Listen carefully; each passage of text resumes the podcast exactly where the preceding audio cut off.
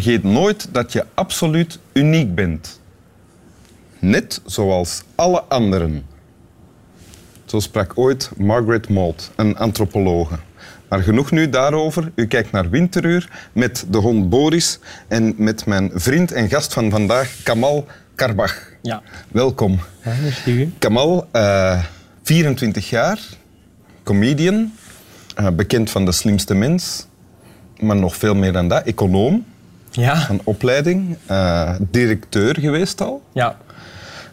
Um, hoe, hoe lang ben je directeur geweest? Eh, een vol jaar heb ik volgehouden. Een vol jaar directeur. Op dit moment uh, werkzaam op de universiteit als docent uh, economie. Assistent economie. Assistent de economie.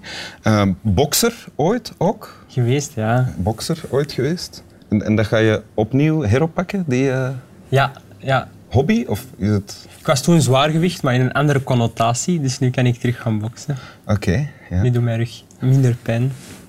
Toen had je rugpijn? Ja, omdat ik toen al veel woog. Hè. Ja, ja. Dus dat weegt echt... Meer dan 100 kilo meer dan nu. Ja, 100 Dat verhaal kennen de mensen ondertussen, ja. denk ik. En je hebt een tekst meegebracht. Ja. ja oké. Mag ik het voorlezen? Ja, heel graag. Mijn wens behoede u onverrotto, stuk en stut die geen verrader, maar vrijdom stut. Gij zult nog jaren achtereen de uitgang van dien held getuigen.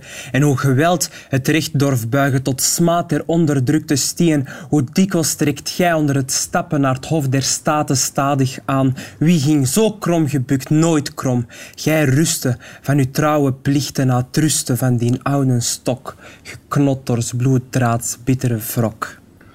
Wauw. Er heeft nog nooit iemand in Winteruur zo'n moeilijke tekst zo uh, goed gelezen. Uh, en het, is, het, het, komt uit het stokje van Johan van Orde Oldenbarneveld. Uh, en het is door Joost van de Vondel geschreven. Ja. ja. ja. Waar en hoe heb je dit voor het eerst gelezen? Um, ik was toen 17 jaar um, en dat was op school.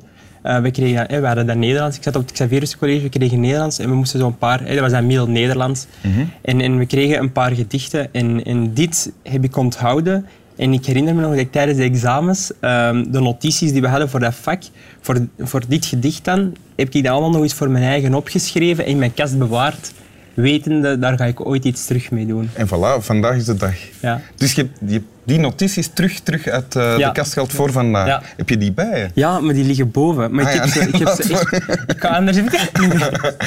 Oké. Ja, ik, heb ze echt, ik heb ze echt mee boven. Ja, ik geloof je. En, maar wa- wa- wat staat er hier in, in dit stuk? Johan van Oldenbarneveld Ja, was...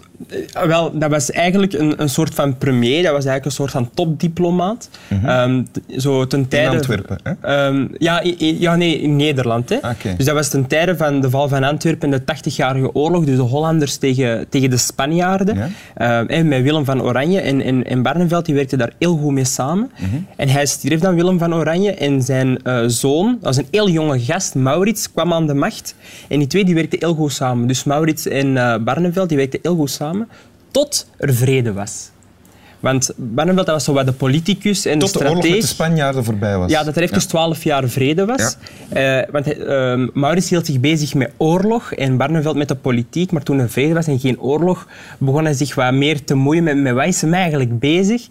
En, en toen waren er wat strubbelingen, tot op het punt dat er een religieuze kwestie was. Want toen was het, de, de religie van de leider is de religie van het volk. Dus daar was de vraag, eh, gaan we allemaal protestants... Ja. Ja? Eh, en hij was heel protestants overtuigd en iedereen moest dat zijn. Terwijl Barneveld zegt, hij was zelf eerst katholiek en heeft zich dan bekeerd tot het eh, Calvinisme.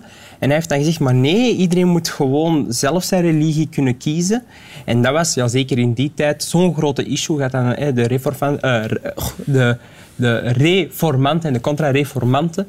En dat was dan een heel... Zo een heel En uiteindelijk is Van Oldenbarneveld eh ter dood gebracht. Ja, ja. want Maurits kon dat niet meer aan. En hij heeft... Eigenlijk, eigenlijk klopt het omdat Oldenbarneveld een, eh, de- eh, gematigd was en Maurits dan een soort extremist. Ja, eigenlijk komt het daar een beetje op neer. Maar in die tijd was dat, was dat logisch. Maar het was vooral een machtskwestie en een politieke machtskwestie. En die heeft hij dan laten executeren. En Vondel was erbij tijdens de executie. En die Ja. zag Barneveld, want die was super oud ondertussen, Ja. die zag die met een stok richting eh plek van executie gaan. En dat heeft hem zo hard aangegrepen dat hij daar een, een toneelstuk over heeft geschreven, maar dat is later uitgebracht anoniem, heeft daar nog een boete voor gekregen.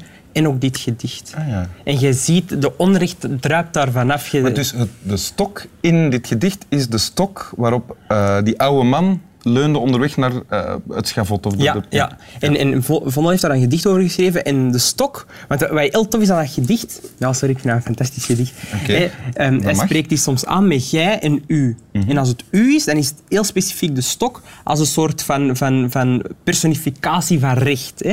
En als het jij is, spreekt hij nog altijd over de stok. Maar dan is, spreekt hij ook rechtstreeks over Barneveld. Dus daar moeten straks ook op letten als het u en jij, en dat wisselt heel vaak. Omdat Straks dan- wanneer je het opnieuw gaat oplezen, ja, eh, voorlezen. ja, dat is echt zo'n gedicht dat je zo, dat je zo twee keer moet lezen, wetende wat de achtergrond is. En ook, allee, ook, oh, ook zo de manier waarop hij zo... Oh, die alliteraties, hoe, hoe dikwijls strikt hij onder het stappen naar tof der staten stadig aan. Want, daar moet ook op, want eh, hij heeft dat zo geschreven dat je bijna de druk, zo het getokkel van de stok hoort, Hoort, waarmee hij naar het richting. schavot, de spanning van de stok. Hè, en dat is het recht, hè, hoe het recht hem stap per stap per stap, en daar ook die alliteraties met, met S, stap per stap richting de dood bracht. En dat vind ik zo mooi. Ah, ja. Hoe dat je bijna in die depressie en de snelheid van, van, in de snelheid van de ellende en de snelheid van taal, hoe dat die eigenlijk beschrijft hoe dat iemand daar aan het sterven is die daar totaal niet hoort te zijn. Het klinkt bijna alsof het een soort rap is, zoals je er nu over praat. Met wens behoede u onverrotte stuk. Ja, eigenlijk wel, hè. Maar dat zijn de rappers... Allee, dat, dat is maatschappijkritiek. En dat heeft me ook beïnvloed om... Dat zat toen al om met taal iets te kunnen doen en iets te kunnen zeggen. Ja, want mijn- dat trof jou toen, nu eh, zeven, acht jaar geleden, als 17-jarige, trof jou dat als... eh, in die mate dat, dat je eh, notities bent gaan maken zelfs en, Ja, en bijhouden. ja. Deze heeft mij, denk ik... dat- daar lag de kiem van mijn comedy al, denk ik. Ja? Hoe dat je, je had dan ook nog Erasmus met Lof der Zotheid en, en dat soort dingen. Je had toen al mensen die door middel van taal en wat ze denken en voelen, dat ze dat door middel van kunst, want dat is het voor mij, en ik vind comedy ook een kunst, dat ze daarmee eigenlijk willen zeggen wat iedereen wil zeggen, maar niet durft. En, en die inzicht was ook heel belangrijk. Hè? Zo van, leiders, dat zijn onze leiders en zij geraken het zelfs niet eens. Wat moet, wij, wat, wat moet er dan met ons gebeuren? En dat is 500 jaar geleden. Want wat ik nu zeg, dat zijn, dat zijn letters van 500 jaar oud bijna. Ja. En dat is nu nog zo relevant. En ik zag dat en ik dacht in mijn eigen, wauw. Je zei net, eh, daar ligt de kern van mijn comedy. Ja. Wat bedoel je daarmee? Ik probeer met comedy iets te zeggen. Ik ben, ik ben als persoon, relativeer ik mezelf heel hard, want allee, we zijn allemaal mensen. Hè. Uiteindelijk rijk, arm, dik, dun, onder de grond worden we allemaal botten. en, en, en ik gebruik dat ook om mezelf te relativeren, omdat ik mijn punt wil maken van, van wat is er eigenlijk echt aan de hand. Dus comedy is een, een middel bijna om iets anders te, te vertellen. Ja, absoluut.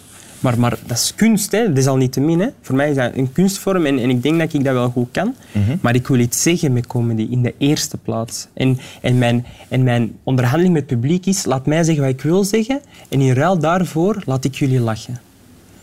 En dat zit daar ook in. Daar is echt mijn, mijn liefde voor taal gegroeid. En daarom heb ik ook getwijfeld. want Dat is wel leuk dat jij zegt rap omdat ik nu nog soms denk, allee, ik ben helemaal niet bekend, misschien met de slimste mensen een beetje of zo. Ik denk dat je op het moment dat dit wordt uitgezonden bekend... Maar ja, ik was aan het denken, misschien willen de mensen gewoon dat ik een raptekstje kom, kom scanderen hier. Maar dit heeft mij als mens, en misschien nu als kunstenaar of artiest of wat ik ook ben, veel harder beïnvloed. Want het gaat ook over onrecht. En Ja. dat is ook iets dat je herkende in, nu, in jouw situatie op dat moment.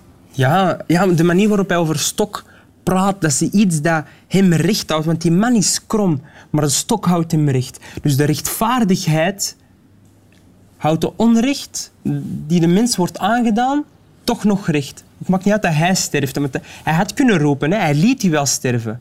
En hij had daar geen probleem mee, want hij zegt ook, de stok is oud, stok oud, even oud als de man. Maar de stok, die is recht, dat maakt er niet kapot. Rechtvaardigheid, dat gaat niet kapot.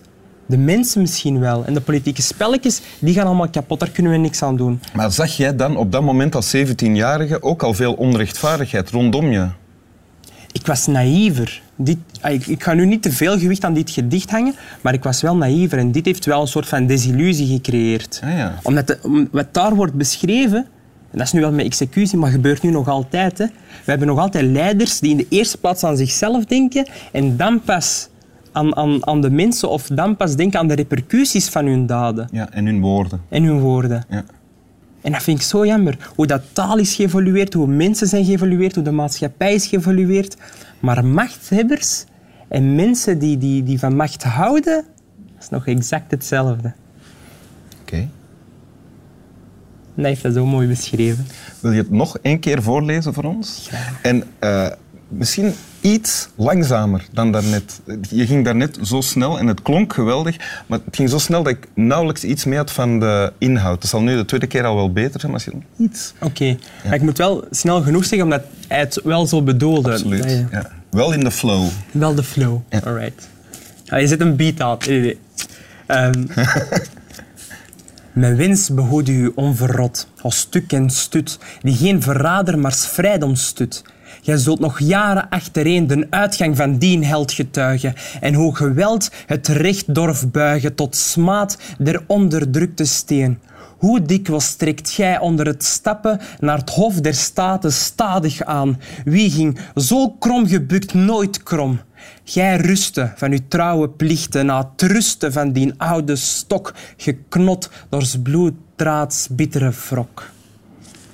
Fantastisch. Dank u wel. Slaap wel.